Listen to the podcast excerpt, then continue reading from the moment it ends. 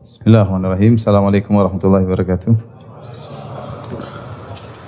Alhamdulillahi ala ihsanihi wa syukru lahu ala taufiqihi wa amtinanihi wa asyhadu an la ilaha illallah wahdahu la syarika lahu ta'ziman li sya'nihi wa asyhadu anna Muhammadan abduhu wa rasuluhu da'ila ridwani Allahumma salli alaihi wa ala alihi wa ashabi wa ikhwani hadirin dan hadirat yang dirahmati oleh subhanahu wa ta'ala kita lanjutkan masih berbicara tentang uh, sejarah Bani Israel kita masih pada kisah Nabi Yusuf alaihissalam pada pertemuan lalu telah kita sebutkan bagaimana para wanita mereka uh, ngerumpi tentang Imra'atul Aziz tentang wanita atau istri dari menteri salah seorang menteri di Mesir tentang bagaimana dia bisa tertarik kepada pembantunya Yusuf ya.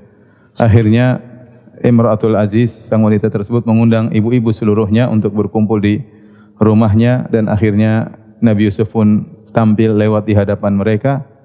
Sebagaimana kita sebut pertemuan lalu tatkala mereka melihat Nabi Yusuf alaihissalam ya qata'na aydiyahunna maka mereka pun motong-motong tangan mereka tanpa mereka sadari. Wa qulna hasyalillahi ma hadza basyaran in hadza illa malakun karim.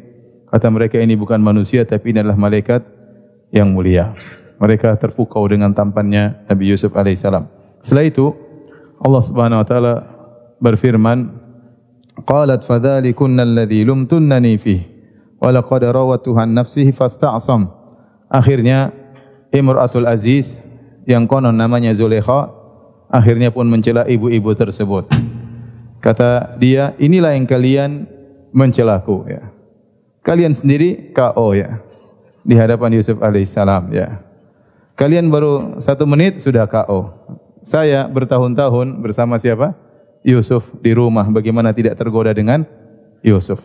Kemudian kata dia, Walaqad rawatu an nafsi fasta'sam aku telah merayunya namun dia tidak tidak mau. Akhirnya kata para ulama Zulaikha memutuskan tirai rasa malunya. Dia tidak malu lagi maka dia bongkar berita seluruhnya memang saya yang rayu dia ya.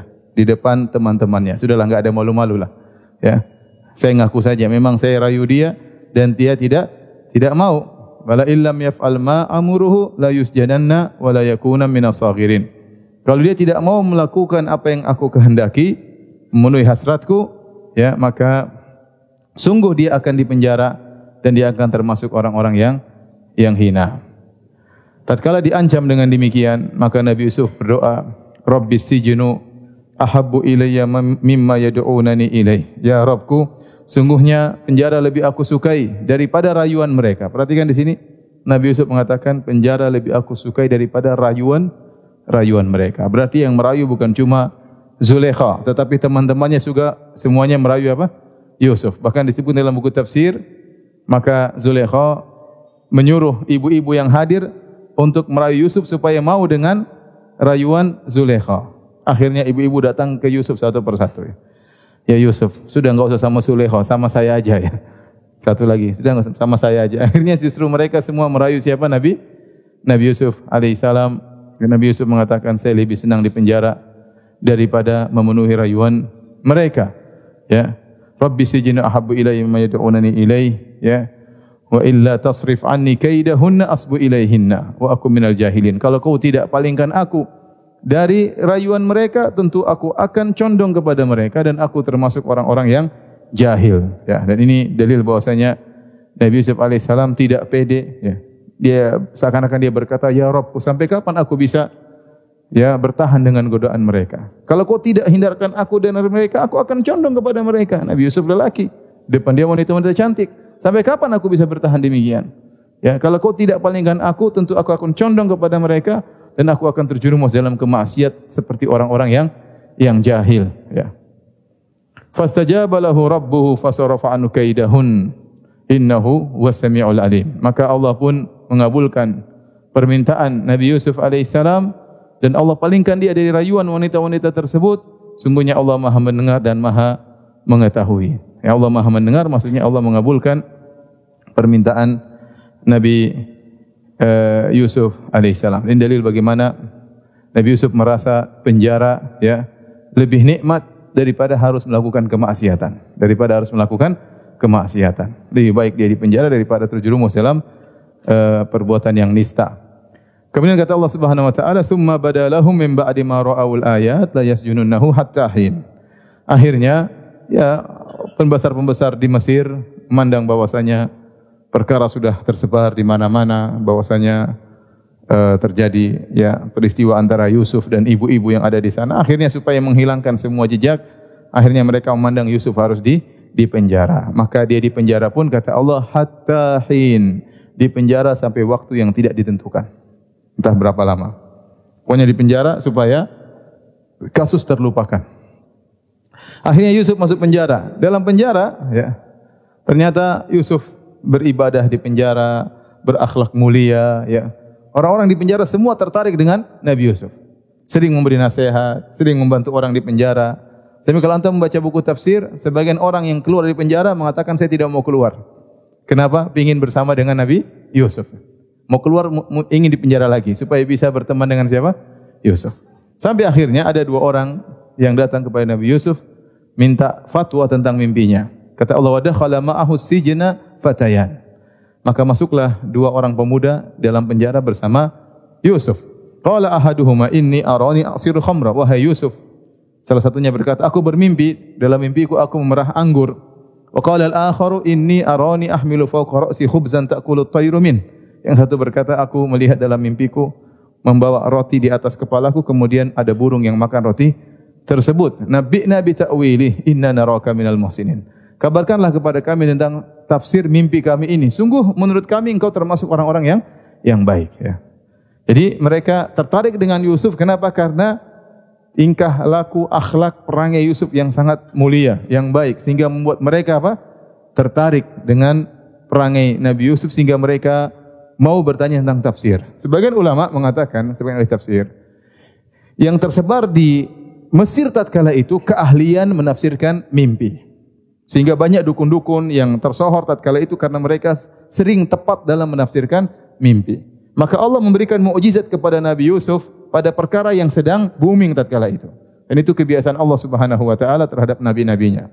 Sebagai contoh uh, di zaman Nabi Musa yang lagi booming adalah sihir, maka Allah memberikan mukjizat kepada Nabi Musa yang semisal sihir tapi bukan apa? Sihir. Kenyataan yang akhirnya mengalahkan seluruh sihir yang ada. Ya, seperti di zaman Nabi Isa alaihissalam yang lagi booming adalah ilmu pengobatan. Maka Allah memberikan mukjizat kepada Nabi Isa alaihissalam bagaimana dia mengobati langsung yang buta langsung bisa melihat, yang kena penyakit albino bisa sembuh, bahkan yang mati bisa dihidupkan oleh Nabi Isa alaihissalam. Di zaman Nabi Muhammad wasallam yang lagi booming adalah syair-syair syair-syair Arab kemudian eh, apa ni qasidah-qasidah lantunan-lantunan uh, balaghah-balaghah maka Allah turunkan mukjizat kepada Nabi wasallam berkaitan Al-Qur'an yang balaghah Al-Qur'an mengungguli seluruh syair-syair yang yang ada. Di zaman Nabi Yusuf alaihissalam yang lagi booming adalah menafsirkan apa?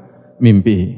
Maka Allah memberikan mukjizat kepada Nabi Yusuf dari sisi menafsirkan mimpi. Tatkala Nabi Yusuf didatangi oleh dua orang tersebut minta ditafsirkan. Apa kata Yusuf alaihissalam? Qala la ya'tikuma ta'amun turzaqanihi illa nabba'tukuma bi ta'wilihi qabla an ya'tiyakuma. Dzalikuma mimma 'allamani rabbi. Inni taraktu millata qaumin la yu'minu billahi wa hum bil akhirati hum kafirun. Kata Yusuf, kesempatan mereka berdua datang kepada Yusuf lagi perlu sebelum Nabi Yusuf alaihissalam memberikan tafsir takwil mimpi mereka, Nabi Yusuf ingin mendakwahi mereka. Kesempatan. Ini orang lagi butuh kepada Nabi Yusuf. Kesempatan posisi Yusuf lagi tempat yang tinggi mereka lagi rendah lagi butuh kepada Yusuf. Maka Yusuf mengatakan sebelum saya tafsirkan mimpi kalian jangan khawatir. Sebelum jatah makan kalian datang ya tafsir sudah selesai saya tafsirkan. Mimpi sudah selesai saya tafsirkan. Tapi dengar dulu pembicaraan saya. Jadi mereka biar tenang tidak langsung ditafsirkan tapi Nabi Yusuf ber, berdakwah. Kata para ulama mereka tidak tahu waktu karena seluruh pintu tertutup semuanya gelap. Mereka yang tahu cuma jadwal makan jadwal tidur. Jam tidak bisa diketahui sore, asar, maghrib susah karena semua ter tertutup. Maka Nabi Yusuf alaihissalam mengkaitkan waktu dengan jadwal makan. Sebelum datang jadwal makan, ya jatah makan kalian berdua, niscaya tafsir mimpi kalian berdua akan saya sampaikan. Tapi tunggu dulu sini. Akhirnya Nabi Yusuf mulai mendakwahi mereka langsung pada permasalahan tauhid. Maka Nabi Yusuf berkata, ya, Dzalikum mimma 'allamani rabbi. Sungguhnya ilmu tafsir ini yang ajarkan kepadaku adalah Allah Subhanahu wa taala. Ini salah satu ilmu yang Allah ajarkan kepadaku. Masih ada ilmu yang lain. Ilmu pemerintahan, ilmu mengatur bendahara, perbendaharaan uh, kerajaan yang nanti akan Yusuf terima kepemimpinan tersebut ya. Tapi ini di antara sebagian ilmu yang Allah ajarkan kepada aku adalah ilmu menafsirkan mimpi. Kemudian beliau berkata, "Inni taraktu millata qaumin la yu'minu billah." Sungguhnya aku telah meninggalkan kaumku yang mereka tidak beriman kepada Allah. Mereka yang di hadapan Nabi Yusuf juga musyrik. Tetapi Nabi Yusuf alaihissalam tidak langsung mengatakan kalian berdua musyrik, tapi Nabi Yusuf dengan penuh kelembutan dia ingin menyampaikan tauhid dengan menceritakan orang ketiga. Sungguhnya saya kaumku mereka musyrikin, yaitu kaum Kananiyin yang tinggal di Palestin, bukan Bani Israel, mereka berbuat kesyirikan. Jadi Nabi Yusuf mengatakan, aku meninggalkan kaum yang mereka berbuat syirik kepada Allah dan mereka tidak beriman kepada hari akhirat. Ya. Padahal kalian berdua juga sama, tidak ada bedanya. Tapi terkadang dakwah tidak harus to the point, harus muter kanan, muter kiri dulu. Ya. ya. Terus Nabi Yusuf berkata, "Wattaba'tu millata aba'i Ibrahim wa Ishaq wa Yaqub." maka lana an nusyrika billahi min syai. Ya, dzalika min fadlillahi alaina wa 'alan nas walakin aktsar nas la yashkurun. Kata Allah, kata Nabi Yusuf alaihi salam, adapun aku, aku mengikuti ya agama nenek moyangku, Ibrahim, Ishak dan Yakub. Mereka adalah orang-orang soleh yang terkenal. Ya. Dan kami tidak berbuat syirik sama sekali. Dan ini adalah karunia yang Allah berikan kepada kami. Tidak berbuat syirik, karunia yang Allah berikan kepada kami. Tetapi kebanyakan manusia tidak mengetahui. Setelah itu baru dia masuk pada dua orang tersebut. Ya sahibai sijin. Arbabun mutafarriquna khairun amillahul wahidul qahar. Wahai dua teman penjaraku. Kata para ulama tafsir, Nabi Yusuf tidak mengatakan wahai fulan dan fulan, tapi dia mengatakan wahai penghuni penjara. Dan ini bagus karena Yusuf juga sedang di penjara. Dia menyebutkan perkara yang kita sama-sama mengalaminya. Ya, kalau kita berdakwah pada poin titik yang sama, kemudian kita menuju pada titik yang berbeda, itu bagus ya ya sehingga orang yang di hadapan kita percaya dulu sama kita. Ya. Maka Nabi SAW berkata wahai penghuni penjara arbabun mutafarriqun apakah tuhan-tuhan yang banyak yang kalian sembah? Khairun lebih baik amillahul wahidul qahar atau ke Tuhan yang maha esa yang maha kuasa? Tentu tidak sama ya. Yang mereka sembah berbagai macam tuhan ya. Ada tuhan kalau minta rezeki tuhan fulan minta jodoh tuhan fulan minta sembuh tuhan fulan. Tuhan spesialis spesialis ya Adapun Allah Maha Esa, Maha Kuasa atas segala sesuatu. Mana yang lebih baik Tuhan yang berterpencar-pencar atau Tuhan yang Maha Esa? Kemudian Nabi Yusuf bantah lagi, "Mata buruna min duni illa asma'an samaitum wa antum wa aba'ukum ma anzalallahu biha min sultan." Apa yang kalian sembah itu bukan Tuhan sesungguhnya. Itu hanya batu-batu, arca-arca, patung-patung yang nenek moyang kalian namakan itu Tuhan. Padahal dia bukan Tuhan. Cuma dinamakan Tuhan. Akhirnya orang-orang pada ngikut itu apa? Tuhan, ini batu bertuah, ini batu kalau diminta begini, itu hakikatnya bukan Tuhan sama sekali. Ini hukmu ila lillah. Amaru alla ta'budu illa iyyah. Dzalika dinul qayyim walakin aktsarun nasi la ya'lamun. Ya sungguhnya agama adalah milik Allah. Hukum Allah berlaku bahwasanya tidak boleh ada yang disembah kecuali Allah Subhanahu wa taala. Setelah Nabi Yusuf mendapatkan tauhid, Nabi Yusuf berkata, "Ya sahibai sini, wahai penghuni penjara, amma ahadukuma fayaski rabbahu khamra." Salah satunya akan menuangkan khamr kepada tuannya. Akhirnya maksudnya kau akan dikeluarkan dari penjara dan kau akan jadi pelayan raja. Wa ammal akhar fayuslab. Fatakulu tayru min ra'sih. Yang satunya tidak, yang satunya akan dipenggal. Sudah itu disalib. Yang satunya akan disalib sampai mati, kemudian burung-burung akan datang ke batok kepalanya mematok-matok kepalanya. Qudiyal amru alladhi fihi tastaftiyan. Perkara yang kalian tanyakan sudah ditetapkan. Kemudian Allah berkata, wa qala lil ladzi dhanna annahu najim minhum adhkurni inda rabbik akhirnya Yusuf berkata kepada orang yang bakalan selamat jangan lupa sebut-sebut aku di sisi rajamu. Artinya sebut-sebut aku. Jadi Nabi Yusuf minta syafaat. Ya sebutkan namaku di sisi raja supaya dia tahu saya tidak bersalah. Saya orang baik tidak sebagaimana dituduhan orang-orang. Ya karena raja memiliki kekuasaan Kata Allah, fa ansahu syaitanu dzikra rabbih. Syaitan membuat dia lupa dari mengingat Allah Subhanahu wa taala. Di sini ada dua pendapat di kalangan para ulama. Ada yang mengatakan syaitan membuat orang ini lupa sehingga setelah dia selamat dia jadi pelayan raja, pelayan raja bertahun-tahun tidak pernah cerita Yusuf di depan apa? Raja. Ya sudah senang, sudah selamat. Tidak pernah cerita dulu saya di penjara ada orang soleh namanya Yusuf. Kemudian nafsirkan, lu lupa sama sekali. Pendapat kedua mengatakan Nabi Yusuf yang lupa menyebut nama Allah sehingga dia mengkaitkan harapannya kepada orang ini dan dia lupa berdoa kepada Allah, ya Allah buatlah dia ingat. Ini pendapat kedua. Tapi saya lebih condong pada pendapat pertama, setan yang membuat orang tersebut apa? Lupa. Kata Allah, "Fala bi sijni bid asinin." Akhirnya gara-gara orang ini lupa, ya, Yusuf bertambah lagi bertahun-tahun dalam apa? Penjara. Ada yang mengatakan tujuh tahun, ada yang mengatakan kurang lebih daripada itu. Ya. Yusuf sabar di penjara bertahun-tahun. Akhirnya terjadi kejadian. Sekarang gantian raja yang mimpi. Wa qala al-maliku inni ara sab'a baqaratin simanin ya'kuluhunna sab'un ijaf wa sab'a sumbulatin khudrin wa ukhra yabisat. Ya ayyuhal mala'u aftuni fi ru'yaya in kuntum li ru'ya ta'burun. Berkata sang raja. Perhatikan di sini. Allah tidak mengatakan berkata Firaun. Apa bedanya Firaun dengan raja? Seluruh raja yang hidup di Mesir dari suku Kipti dari suku Akbat gelarnya Fir'aun. Kalau kita di Indonesia ya raja atau kalau negara republik semua pemimpin namanya presiden. Maka semua pemimpin di Mesir yang dari suku Akbat namanya Fir'aun. Namanya Fir'aun. Sampai sekarang orang yang keturunan Fir'aun mereka masih terpandang. Saya pernah ke Madinah ada tempat klinik atau tempat kesehatan tulis dokter fulan fulan Fir'aun. di Madinah loh ada Fir'aun. Jadi dia menunjukkan dia masih keturunan darah biru. Keturunan apa? Fir'aun. Semua raja dari suku Akbat namanya apa? Fir'aun. Tetapi anehnya dalam ayat ini Allah mengatakan wa qala maliku berkata raja bukan berkata Fir'aun. Sehingga sebenarnya Allah mengatakan bahwasanya raja yang hidup di zaman Nabi Yusuf bukan dari suku Akbat tapi mereka dari suku Heksos, suku yang berbeda yang di mana pimpinan mereka disebut dengan raja bukan Firaun. Dan ini tersebutkan ditemukan dalam uh, sejarah sejarah Igrik atau sejarah Mesir disebutkan bahwasanya Heksos berkuasa dari tahun 1900 sebelum Masehi sampai sekitar 1525 sebelum Masehi.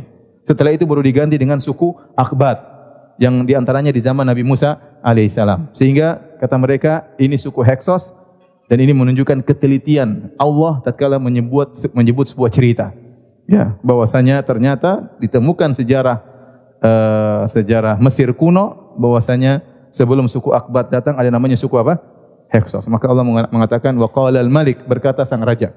Raja mimpi tujuh sapi gemuk dimakan sama tujuh sapi kurus. Jadi tidak selalu ya uh, yang gemuk menang ya. Terkadang yang kurus yang menang. Namanya mimpi. Mimpi aneh seharusnya sapi kurus dilindas sama yang sapi gemuk.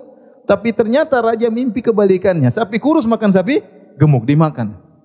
Wa sab'a sumbulatin khudrin wa ukhra yabisat. Kemudian ada tujuh bulir yang ya, yang hijau dan tujuh bulir yang yang kering. Ya. Maka karena mereka tersohor dalam menafsirkan mimpi, maka dia langsung berbicara sama anak buahnya. Ya ayuhal malak, wahai anak buahku, menteri-menteriku, dukun-dukunku ya. Aftuni fi ru'ya ya in kuntum li ru'ya ta'burun. Coba sebutkan fatwa kepadaku tentang apa tafsir mimpiku ini. Kalau kalian benar-benar memang ahli tafsir mimpi. Apa jawaban mereka? Qalu adghasu ahlam. Kata mereka, ya raja ini tidak bisa ditafsirkan. Ini mimpi yang bercampur-campur. Tidak bisa kita bedakan ya. Adghas itu jamak dari dhigath. Dhigath itu seperti ada tumbuhan bermacam-macam diikat dalam satu ikatan. Jadi akhlat bercampur-campur. Namanya maksudnya mereka, kita ini hanya bisa menafsirkan mimpi kalau jelas mimpinya begini. Ini mimpi aneh. Sapi kurus, sapi gede, bulir hijau. Ini apa ini? Kita enggak bisa nafsirkan kalau mimpinya seperti ini. Maka mereka semua sudah berkumpul, mereka mengatakan, Adghasu ahlam. Ini mimpi enggak bisa di tafsirkan karena tidak bisa dibedakan satu dengan yang lain. Wa ma kunna bi tahwil ahlami bi alimin. Kami tidak bisa menafsirkan mimpi seperti ini. Tatkala mereka sudah tidak mampu, baru pelayan raja ingat, oh iya. Yusuf bisa. Kata Allah Subhanahu wa taala, "Wa qala alladhi naja minhuma wa dzakara ba'da ummatin ana unabbiukum bi ta'wilihi fa arsilun." Maka berkatalah orang yang selamat dari dua orang di penjara tersebut, Wadakaro ba'da ummatin. Dia baru ingat setelah ummah. Ummah itu setelah waktu yang panjang. Sudah berapa tahun-tahun baru dia ingat. Oh iya. Ana unabbi'ukum bi ta'wili. Aku akan kabarkan tentang mimpi raja ini. Fa'arsilun utuslah aku kepada Yusuf. Tenang. Ada satu orang di penjara. Top ya raja. Saya akan ketemu dia. Dan ini subhanallah. Ya. Hikmah dari Allah subhanahu wa ta'ala. Seandainya, seandainya seandainya uh, orang tersebut sebut-sebut Yusuf di sisi raja. Ya raja, ada Yusuf ini orang soleh. Dia dituduh macam-macam. Ya udah keluarkan dia. Selesai. Nabi Yusuf keluar dari penjara, pulang lagi ke bapaknya. Selesai. Enggak jadi apa-apa. Paham? Tapi Allah mentakdirkan dia lupa. Seandainya begitu raja mimpi, bahwa saya mimpi gini gini gini, terus kemudian sang pelayan ingat, oh raja tenang, Yusuf bisa menafsirkan. Kemudian Yusuf menafsirkan dan benar, maka Yusuf tidak spesial. Allah mengakhirkan orang ini lupa, dia baru ingat setelah semua tidak bisa baru dia ingat. Sehingga nampak kemuliaan Yusuf di antara para pentafsir mimpi yang lainnya. Semua sudah tidak ada yang mampu menafsirkan, baru dia ingat. Oh iya. Seandainya dia ingat sebelumnya, cerita bisa berubah seluruhnya. Paham? Itulah semua aturan Allah Subhanahu wa taala. Di balik keburukan ternyata ada apa? Kebaikan. Baik, akhirnya fa arsilun utuslah aku kepada Yusuf. Maka dia datang. Yusufu ayyuhas siddiqu aftina. Fi sab'at fi sab'i baqaratin simanin ya'kuluhunna sab'an ijaf wa sab'i sumbulatin khudrin wa ukhra yabisat. La'alli arju ila nasi la'allahum ya'lamun. Wahai Yusuf, orang yang senantiasa jujur, berilah fatwa kepadaku tentang mimpi raja, ada tujuh sapi kurus memakan tujuh sapi gemuk dan ada tujuh bulir kering dan tujuh bulir yang hijau. Semoga aku bisa balik kabarkan kepada mereka agar mereka tahu apa takwil mimpi raja tersebut. Subhanallah. Yusuf alaihissalam langsung menafsirkan mimpi tersebut. Nabi Yusuf berkata, "Qala tazra'una sab'a sinina da'aban." Kalian begini caranya. Maksudnya bukan cuma sekedar nafsirkan mimpi, bahkan Nabi Yusuf langsung kasih solusi dan itu baiknya Nabi Yusuf. Dan Nabi Yusuf alaihissalam orangnya sangat pemaaf. Dia tidak mengatakan ente kemana aja. Ente ini seberapa tahun ini? Dari mana aja? Sekarang baru datang lagi perlu baru datang sama saya. Enggak. Itu kalau saya begitu. Nabi Yusuf tidak singgung sama sekali. Dan begitu baiknya tidak dendam kepada sang raja, ya sudah biar mampus kalian semuanya, tidak. Dia tahu tafsiran mimpinya itu akan ada tujuh tahun yang kemarau, ya tujuh tahun subur, kemudian tujuh tahun kemarau. Maknanya demikian. Kata para ulama, begitu tafsirannya karena sapi berkaitan dengan ziroah, berkaitan dengan bercocok tanam. Sehingga sapi yang kurus menggambarkan menggambarkan mewakili tentang musim kemarau. Sapi yang gemuk menggambarkan musim apa? Kesuburan ya. Dan kemudian sapi kurus memakan sapi gemuk menunjukkan gemuk dulu ada baru dimakan oleh yang kurus. Ini metode tafsir ya. Ya, berarti musim penghijau selama tujuh tahun kemudian dihabiskan oleh musim kemarau sepanjang tujuh tujuh tahun ya. Kemudian uh, bulir yang yang hijau dan bulir yang kering ini menunjukkan harus ada yang disimpan ya dan ada yang dimakan intinya Nabi Yusuf menafsirkan akan ada tujuh musim penghijau dengan tujuh musim kering. Tetapi Nabi Yusuf bukan cuma menafsirkan, bahkan dia langsung kasih solusi. Dia berkata, Qala tazra'una sab'a sinina da'aban, fama hasadtum fadharuhu fi sumbulihi illa qalilan mimma ta'kulun.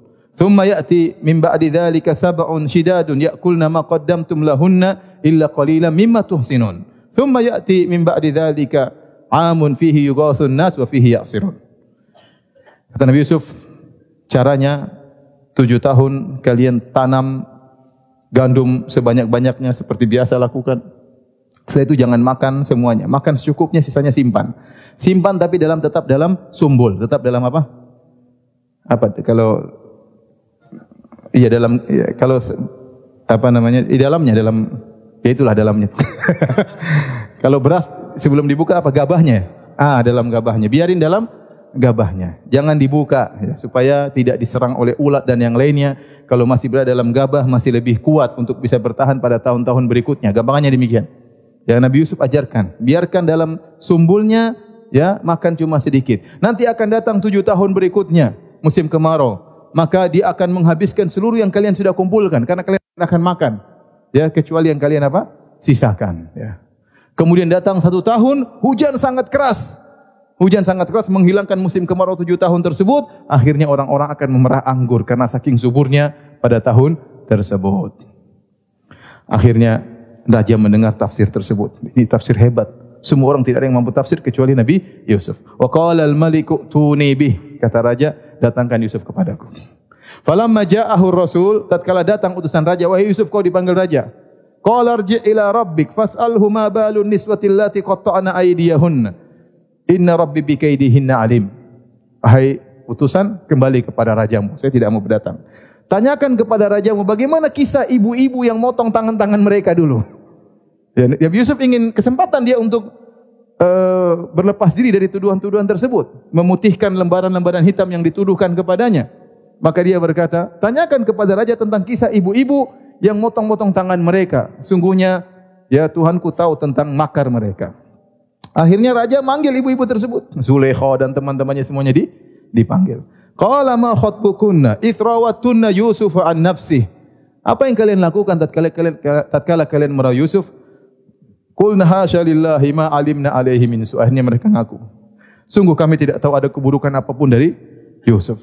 Qala timra'atul azizil ana hashasal haq ana rawatuhu an nafsi wa innahu la minas sadiqin. Dzalika liya'lama anni lam akhunhu bil ghaib. Anna Allah la yahdi kaidal khainin. Maka kata akhirnya Zulekha atau Zulekha ini tidak ada riwayat yang sahih ya. Cuma konon disebutkan namanya siapa? Zulekha. Maka dia berkata, sungguh aku yang telah merayu Yusuf dan dia orang yang jujur ya. Dan ini agar dia tahu bahwasanya aku tidak berkhianat kepadanya. Ada yang mengatakan bahwasanya tidak terjadi perzinahan. Saya hanya sekedar merayu dan tidak tidak mau ya. Ya, bahwasanya Allah Subhanahu wa taala tidak ya memberi petunjuk kepada orang-orang yang berkhianat.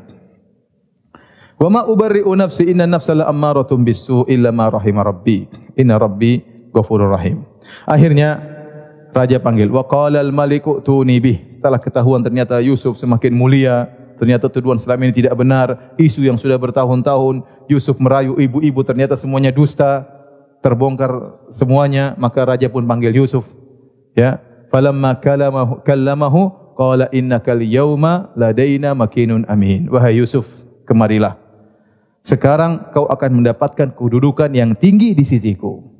Waktu ditawarkan kedudukan oleh sang raja, Yusuf mengambil kesempatan. Dia mengatakan, "Ij'alni ala khazainil ardi inni hafizun alim." Jadikanlah aku sebagai perbendaharawan bendahara harta Mesir.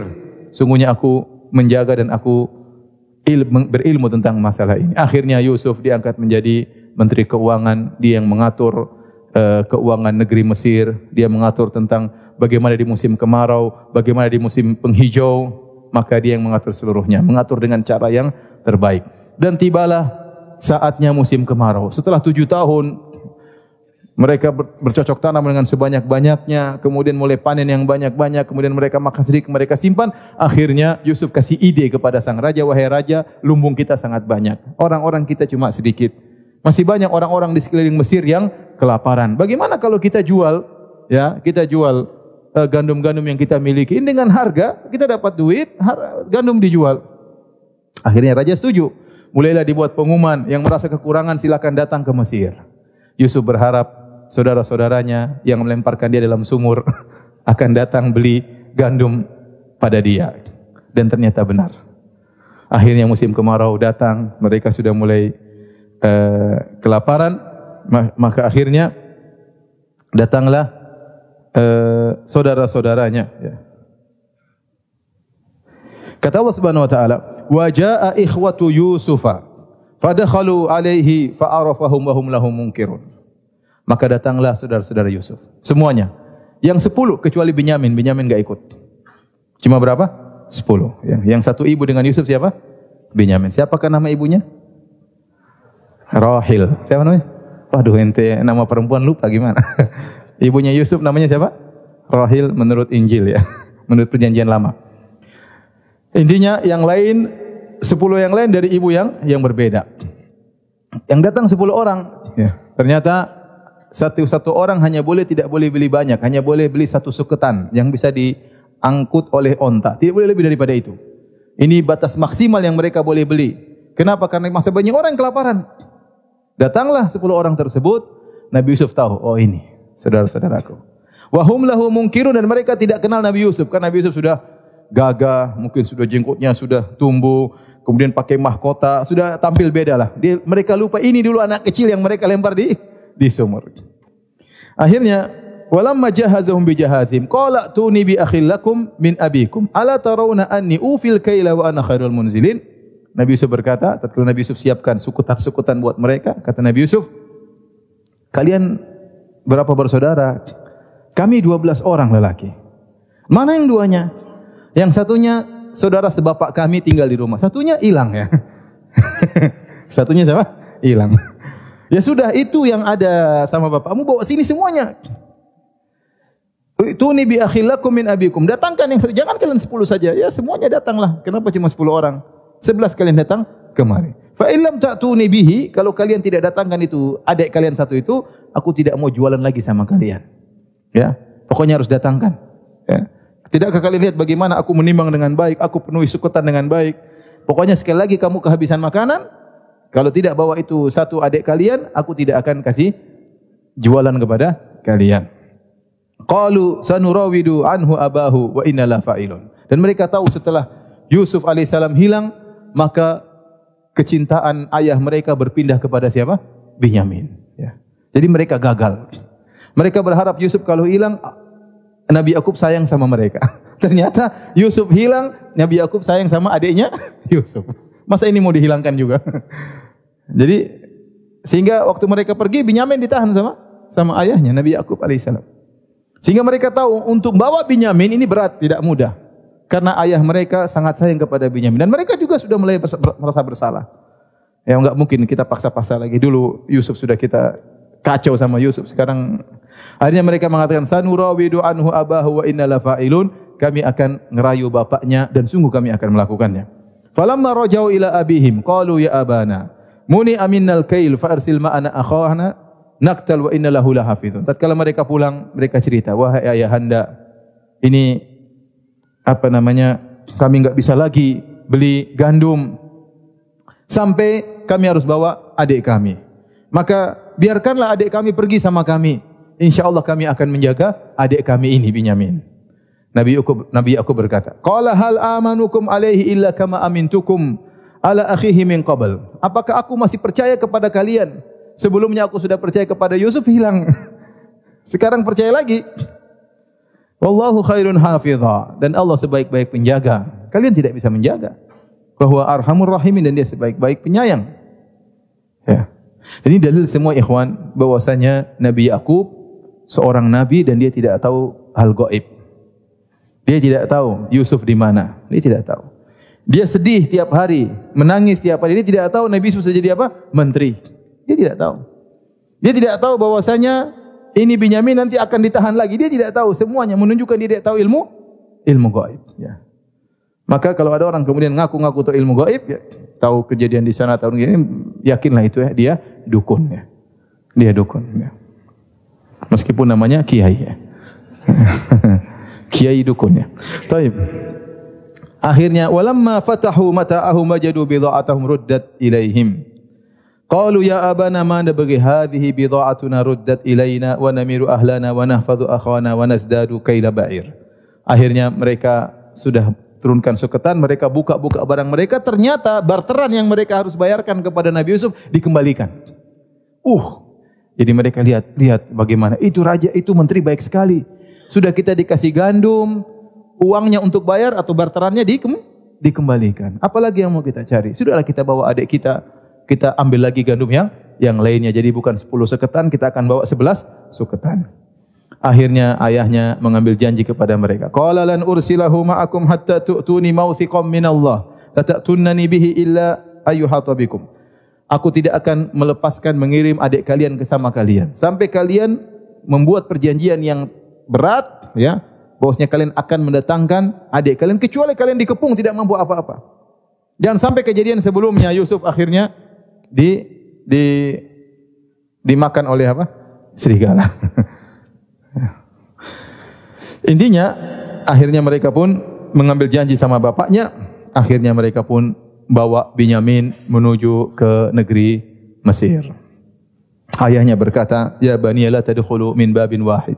Wadkhulu min abwabin mutafarriqah. Wahai anak-anakku kalian sebelas orang, gagah-gagah besar-besar, jangan masuk dari satu pintu. Masuk Mesir itu ada beberapa pintu. Kalau kalian masuk sebelas orang satu pintu akan menjadi sorotan orang dan bisa jadi kena ain. Jangan. Kalian berpisah-pisah. Sebagian lewat sini, sebagian lewat sini, sebagian lewat sini. Intinya akhirnya mereka masuk ke kota Mesir. Akhirnya mereka bertemu dengan Yusuf.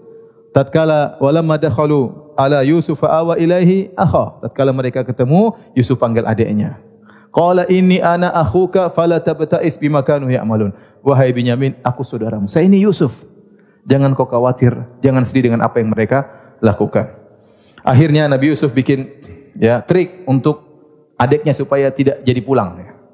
Akhirnya tatkala Nabi Yusuf menyiapkan sebelas suketan buat sebelas orang ini, ini mungkin kejadian tahun berikutnya. Intinya mereka mau beli lagi. Disiapkan atau beberapa bulan kemudian, setelah disiapkan sebelas suketan, ja'ala siqayata fi rahli akhi. Kemudian ada semacam piala emas dimasukkan ke dalam suketan Binyamin. Summa adzana muadzinun ayyatuhal iru innakum lasarikun. Kemudian ada anak buah Yusuf berteriak, "Eh, kalian orang-orang Palestin, kalian pencuri." Ya. Qalu aqbalu alaihi madza tafkirun. Mereka balik, ada apa? Dan mereka tidak merasa bersalah sama sekali, tidak ada rasa ketakutan, tidak ada rasa gemetar, tidak. Mereka santai aja. Ada apa? Apa yang kalian kalian kehilangan apa? Qalu nafqidu suwa al-malik. Kami kehilangan piala raja. Ya. Waliman ja'a bihimlu ba'ir wa ana zaim dan barang siapa yang bisa mengembalikan kami akan berikan hadiah satu seketan yang dipikul oleh onta. Qalu tallahi laqad alimtum ma ji'na linufsida fil ardi wa ma kunna sarikin. Sungguh kalian tahu demi Allah mereka bersumpah. Demi Allah kalian tahu kami datang di sini bukan untuk melakukan kerusakan dan kami bukan pencuri. Anak buah Yusuf berkata, "Qalu fama jazaohu in kuntum kadziban." Apa balasannya kalau ternyata kalian dusta? Qalu jazaohu ma wujida fi rahlihi fa huwa jazaoh. Menurut kami, menurut undang-undang Bani Israel, siapa yang ketahuan mencuri maka dia harus ditahan dia harus di, ditahan. Kadzalika najzi zalimin. Demikianlah menurut kami cara membalas orang-orang yang yang zalim. Maka mulai dia diperiksa. Fabada'a bi awiyatihim qabla wi akhi. Nabi Yusuf periksa. Mulai kakaknya satu-satu dibuka. Oh iya enggak ada. Benar, jujur. Buka lagi enggak ada. Pas buka punya Benyamin lah ini. Ada. Ya. Akhirnya ketahuan ternyata piala raja dalam sukutannya Benyamin. Akhirnya kakak-kakaknya komentar. Qalu iyasrik faqad saraka akhul lahu min qabl. Ini memang kalau dia benar-benar mencuri, kakaknya dulu juga pencuri. Wah. Yusuf juga apa? Pencuri. Tapi Yusuf sabar. Fa asarraha Yusuf fi nafsihi wa lam yubdiha lahum. Yusuf hanya dalam gurunda dalam hati. Dia tidak ungkapkan sama sekali. Mimiknya tenang. Mimiknya apa? Tenang ya. Saatnya dia balas dia tidak balas. Qala antum syarrum makana. Kalian lebih buruk kedudukannya tapi dalam hati tidak ngomong. Wallahu a'lam bima tasifun. Allah lebih tahu tentang tuduhan kalian. Akhirnya mereka sadar waduh bagaimana adik kita ditahan. Kita sudah janji sama bapak kita enggak bakalan biarkan adik kita ditangkap. Akhirnya mereka marah Yusuf kata mereka ya ayyuhal azizu innalahu aban syaikhan kabira wahai sang menteri wahai sang penguasa ini dia punya bapak sudah tua syekhon kabiran. Fakhuz ahadana makana. Sudah, jangan dia yang dipegang. Ambil salah satu daripada kami. Gantinya. Inna naroka minal muhsinin. Menurut kami kau orang baik, wahai sang paduka, wahai sang pangeran, wahai sang menteri. Kasihan bapaknya sudah tua, sangat sayang sama anak ini. Sudah, ambillah salah satu dari kami, ganti dia. Apa kata Yusuf? Ma'adallah an na'khudha illa man wajadna mata ana indahu inna idzal zalimun. Enggak mungkin. Auzubillah kita mau ngambil orang yang dia tidak melakukan kejahatan. Yang kami ambil yang ketahuan ada piala di situ. Ya sudah. Ini yang harus ditangkap. Kalian tidak bisa. Falamma stai'asu minhu khalasu najiyah. Tatkala mereka putus asa ngerayu, ngerayu, ngerayu. Enggak bisa. Akhirnya mereka 10 orang ngobrol sendiri. Qala kabiruhum yang paling tua berkata. Alam ta'lamu anna abakum qad akhadha 'alaikum mawthiqan min Allah wa min qablu ma farratum fi Yusuf. Tidakkah kalian ingat Bapak sudah ambil perjanjian dari kita. Adik enggak boleh. enggak boleh hilang, harus dibawa pulang. Dan kita dulu sudah salah sama Yusuf. Boleh kakak bap, kakak yang paling tua ingatkan. Sudah dua salah. Dulu kurang ajar sama Yusuf. Sekarang adiknya kita kerjain lagi. Intinya, falan abrahal arda hatta ya'dana li abi aw yahkumullahu li. Kakak yang paling tua mengatakan, aku tidak bakalan pulang. Malu ketemu bapaknya. Apa mau dia katakan sama bapaknya? Sudah mengambil perjanjian. Dia mengatakan sampai bapak aku mengizinkan aku pulang baru aku pulang atau Allah memberi keputusan yang yang lain. Kemudian dia berkata, "Irji'u ila abikum faqulu ya abana inna sarak." Pulanglah kalian kepada bapakmu dan katakan kepada bapak kalian, "Ya ayahanda, sungguhnya anakmu Binyamin mencuri." Wa ma syahidna illa bima alimna, kami tidak menyatakan kecuali yang kami saksikan. Wa ma kunna lil ghaibi hafizan, kami tidak bakalan menduga ternyata Binyamin akan mencuri, kami tidak tahu ilmu gaib. Was'alil qaryata allati kunna fiha kalau bapak tidak percaya tanyalah penduduk Mesir. Wal ira allati aqbalna fiha demikian juga para kafilah dagang yang pulang dari Mesir. Mereka tahu ini kejadian besar bahwasanya anak adik kita Binyamin telah mencuri. Apa kata Nabi Nabi Yakub dia tidak percaya. Qala bal sawwalat lakum anfusukum amra. Sungguhnya kalian telah dikuasai oleh nafsu kalian. Fasabrun jamil. Saya hanya bisa bersabar dengan sabar yang indah yaitu tidak mengeluh kepada manusia sama sama sekali. Asallahu ayatiyani bihim jami'an subhanallah. Bapaknya semakin bertawakal kepada Allah. Dia berkata semoga Allah mendatangkan mereka seluruhnya. Binyamin, kakak paling tua, Yusuf insya Allah kembali semuanya. Dia baru ucapkan ini tatkala benar-benar terdesak. Dan begitulah orang yang beriman semakin terdesak semakin berserah diri kepada Allah. Dia mengatakan asallahu ayyatiyani bihim jami'an. Insyaallah Allah akan datangkan kembalikan anak-anakku tiga-tiganya semua kepadaku. Ya innahu huwal alimul hakim. Sungguhnya dia maha mengetahui dan dia maha bijaksana. Diserahkan kepada Allah. Semua terjadi ini pasti di atas ilmu Allah. Semua ini terjadi pasti ada hikmahnya. Wa tawalla anhum maka dia berpaling dari anak-anaknya yang sepuluh. Wa qala ya asafa ala yusuf. Dia ingat lagi kepada yusuf. Sungguh menyedihkan yusuf wa biyaddat aynahu minal huzni. Begitu dia nangis-nangis terus sampai matanya menjadi putih semuanya hitamnya hilang buta. Butalah siapa nabi? Yakub alaihissalam. Wa huwa kadhim. Dia sangat sedih. Akhirnya mereka berkata qalu tallahi tafta'u tadhkuru yusuf hatta takuna haradan aw takuna minal halikin. Wahai ayahanda kau ingat-ingat yusuf lagi yusuf lagi yusuf lagi yusuf lagi. Yusuf sudah tidak ada mereka masih cemburu. Yusuf lagi. Lagi-lagi ingat yusuf kau akan binasa menangis sampai buta. Kapan lagi kau ingat-ingat Yusuf? Masih terus ingat Yusuf. Qala inna ma ashku bathi wa huzni ila Allah. Sungguhnya aku hanya mengeluhkan kesedihanku kepada Allah Subhanahu wa taala. Wa a'lamu minallahi ma la ta'lamun. Dan aku tahu apa yang kalian tidak tidak tahu. Maka dia berkata, "Ya bani yadhhabu fatahassasu min Yusuf wa akhihi wa la tayasu min rahillah." Wahai anak-anakku, pergilah kalian balik ke Mesir. Cari kabar tentang Yusuf. Padahal sebelumnya dia tidak pernah ngomong tentang apa? Yusuf. Bertahun-tahun tidak bicara tentang Yusuf. Tatkala kondisi semakin genting, dia bilang carilah kabar tentang Yusuf dan jangan kalian putus asa dengan rahmat Allah. Innahu la ya'asu min rahillah ila kafirun. Sungguhnya tidak ada yang putus asa dari bantuan Allah dari rahmat Allah kecuali orang-orang kafir. Akhirnya mereka balik lagi menuju Mesir. Falamma dakhalu alaihi tatkala mereka ketemu dengan Yusuf. Mereka berkata, mereka ingin beli lagi. Ya ayyuhal azizu massana wa ahlana dhur. Kata dia wahai paduka wahai sang penguasa sungguh kami telah ditimpa dengan penderitaan dan keluarga kami di Palestin telah ditimpa dengan penderitaan. Subhanallah Yusuf mendengar kata-kata tersebut. Dia ingat bapaknya dia ingat ibunya dia ingat keluarganya dalam penderitaan. Wajibna bibidha'atin muzjatin. Dan kami tidak punya uang cukup barteran untuk membeli suketan gandum. Kami punya cuma sedikit. Fa'aufilanal kaila wa tasaddaq alaina. Tolong berikan kepada kami suketan yang full seperti biasanya meskipun duit kami kurang. Meskipun duit kami kurang. Sungguhnya ya innallaha yajzil mutasaddiqin. Sungguhnya Allah akan beri balasan kepada orang-orang yang bersedekah. Yusuf sudah tidak tahan lagi melihat apa? Kondisi tersebut. Akhirnya dia bongkar kartu. Maka dia berkata qala hal alimtum? Ma fa'altum bi yusuf wa akhihi antum jahilun? Apa kalian tahu apa yang telah kalian lakukan kepada Yusuf dan saudaranya waktu kalian masih jahil? Ini kok orang Mesir tahu Yusuf? Mereka lagi. Inna kala anta Yusuf, kamu Yusuf ya? Adzan dulu ya.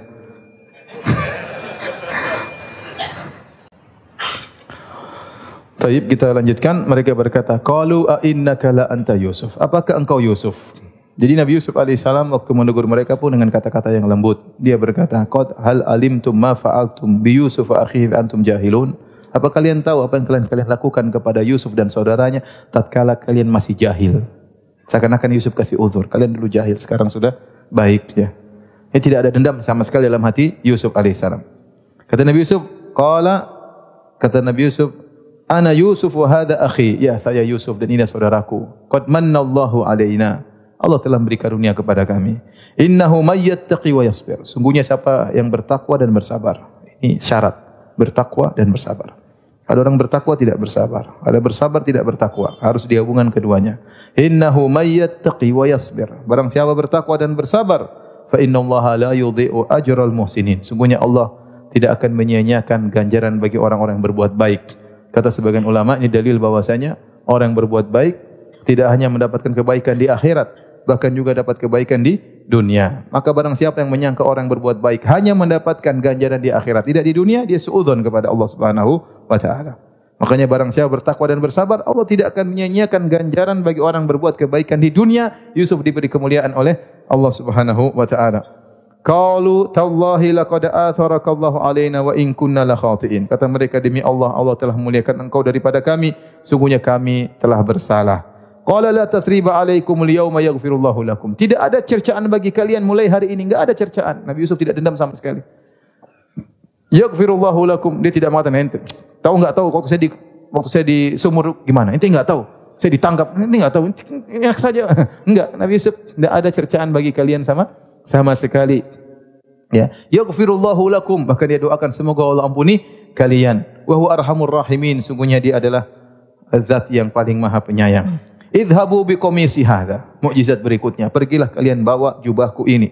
Fa'alquhu ala wajhi abi. Lemparkanlah, dia dia tahu bapaknya buta. Lemparkanlah bajuku di wajah ayahku. Ya, ya'ti basira ayahku akan bisa melihat kembali. Wa'tuni bi ahlikum ajmain. Bawa semua orang ke sini mama, bapa, bibi semua bawa ke sini Bani Israel. Ya. Semuanya Bani Israel dari Palestin pindah ke ke Mesir. Walamma fasalatil airu qala abuhum inni la ajidu riha Yusuf. Tatkala mereka mulai datang menuju ke Palestin dari Mesir dari beberapa jarak yang jauh angin sudah membawa aroma jubahnya Nabi Yusuf kepada bapaknya. Kata bapaknya, "Inilah ajidu riha Yusuf." Aku mencium bau Yusuf. Laula antu fanidun tapi kalian ngejek saya lagi paling. Qalu tallah innaka la fi dhalalikal qadim. Kata mereka, "Ya benar. Engkau masih saja sesat." Yusuf mana Yusuf? Yusuf akhirnya kata Nabi Yakub, kata Allah, "Falamma anja'al basyiru alqa ala wajhihi fartadda basira." Tatkala datang memberi kabar gembira, kemudian melemparkan baju Yusuf kepada wajah Nabi Yakub, maka dia pun kembali bisa melihat. Qala alam aqul lakum inni a'lamu minallahi ma la ta'lamun. Bukan kamu katakan aku tahu apa yang kalian tidak kalian ketahui. Qalu ya abana istaghfir lana dhunubana innakunna khatin. Kata mereka ya ayahanda mohonlah ampunan kepada Allah untuk kami sungguh kami telah berbuat kesalahan. Qala saufa astaghfir lakum rabbi. Kata Nabi Yakub saya akan mohonkan ampunan untuk kalian. Kata sebagian ulama Nabi Yakub mengatakan nanti waktu sahur saya akan mohon ampunan buat kalian. Karena waktu istighfar terbaik adalah waktu apa? Sahur. Innahu huwal ghafurur rahim. Tapi jangan khawatir, sungguhnya Allah Maha Pengampun lagi Maha Penyayang. Akhirnya mereka berangkat semuanya menuju kepada Nabi Yusuf ke Mesir. Falamma dakhalu ala Yusuf awa ilai abawahi wa qala dukhulu Misra insyaallah aminin. Tatkala mereka masuk menemui Yusuf, Nabi Yusuf berkata, "Ayo masuk semua ke Mesir, tenang saja, tidak usah takut." Awa ilai abawahi maka kedua orang tuanya langsung diayomi oleh Yusuf alaihissalam. Wa rafa'a abawahi ala al-arsy. Kemudian dia letakkan kedua orang tuanya di singgasananya wa kharru lahu sujada dan mereka pun rukuk kepada sujud sini maksudnya rukuk ini dulu bentuk penghormatan di di zaman Bani Israel diperbolehkan dalam syariat mereka mereka rukuk kepada Nabi Yusuf alaihissalam kemudian Nabi Yusuf berkata kepada Nabi Yakub ya abati hadza ta'wilu ru'yaya min qablu qad ja'alaha rabbi haqqan ya ayahanda inilah tafsir mimpiku yang saya pernah ceritakan puluhan tahun yang lalu kepada engkau dan Allah telah menjadikan mimpi tersebut menjadi apa kenyataan tentang dua rembulan matahari dan sebelas bintang yang sujud kepadaku, maksudnya ayah ibu dan sebelas saudara yang ruku menghormati siapa? Yusuf alaihissalam. Qad ja'alaha rabbi haqqa. Allah telah menjadikan mimpiku sebagai kenyataan. Wa qad ahsana bi dan Allah telah berbuat baik kepadaku id akhrajani minas sijn. Tatkala Allah menyelamatkan aku dari penjara. Ya Nabi Yusuf mulai cerita tentang kisahnya. Bagaimana kisahnya Allah tentu ayahnya ingin tahu kok bisa jadi menteri. Nabi Yusuf cerita. Tapi Nabi Yusuf sudah janji tidak akan mencela kakak-kakaknya. Maka Nabi Yusuf masalah eh, sumur dia tidak cerita. Kalau dia cerita ayahanda itu ini saya dilempar di dalam dulu. dia sudah janji tidak akan mencela kakak-kakaknya, maka di skip oleh Nabi Yusuf. Di skip oleh Nabi Yusuf. Langsung cerita masalah masalah penjara. Bagaimana dia masuk penjara, kemudian Allah mengeluarkan aku dari penjara, kemudian wajah abikum minal badwi, dan sekarang Allah berikan aku berikan kepada aku kenikmatan yang lain. Allah mendatangkan kalian dari kampung Palestin menuju Mesir. Mimba adi an nazaqa syaitanu baini wa baina ikhwati setelah syaitan mengadu domba antara aku dengan saudara-saudaraku. Subhanallah. Adapun saudara-saudara cemburu kepada Yusuf, ayahnya tahu. Maka Nabi Yusuf tidak perlu sembunyikan. Tapi Nabi Yusuf membawakan kenikmatan tersebut dengan tidak membela dirinya. Dia tidak mengatakan setelah syaitan menipu kakak-kakakku. Tidak. Tapi dia mengatakan seakan-akan kesalahan pada syaitan. Bukan kakak-kakaknya. Setelah syaitan mengadu domba antara aku dengan apa? Kakak-kakakku. Dia tidak mau mencela kakak-kakaknya. Dia sudah janji. Ini luar biasa. Pemaafan yang luar luar biasa.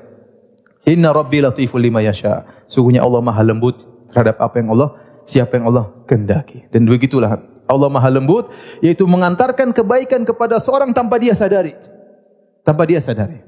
Betapa banyak orang demikian tiba-tiba Allah angkat derajat, angkat derajatnya. Tanpa dia sadari Allah dengan halus mengantarkan dia kepada tempat yang semakin mulia. Seperti apa yang dialami oleh Nabi Yusuf. Innahu huwal alimul hakim. Sungguhnya dia adalah Allah yang maha mengetahui lagi, maha bijaksana. Rabbi qad ataitani minal mulki. Nabi Yusuf berdoa, "Ya Rabbku, Engkau telah memberikan aku kerajaan. Wa 'allamtani min ta'wil ahadits. Kau telah memberikan aku ilmu menafsirkan mimpi.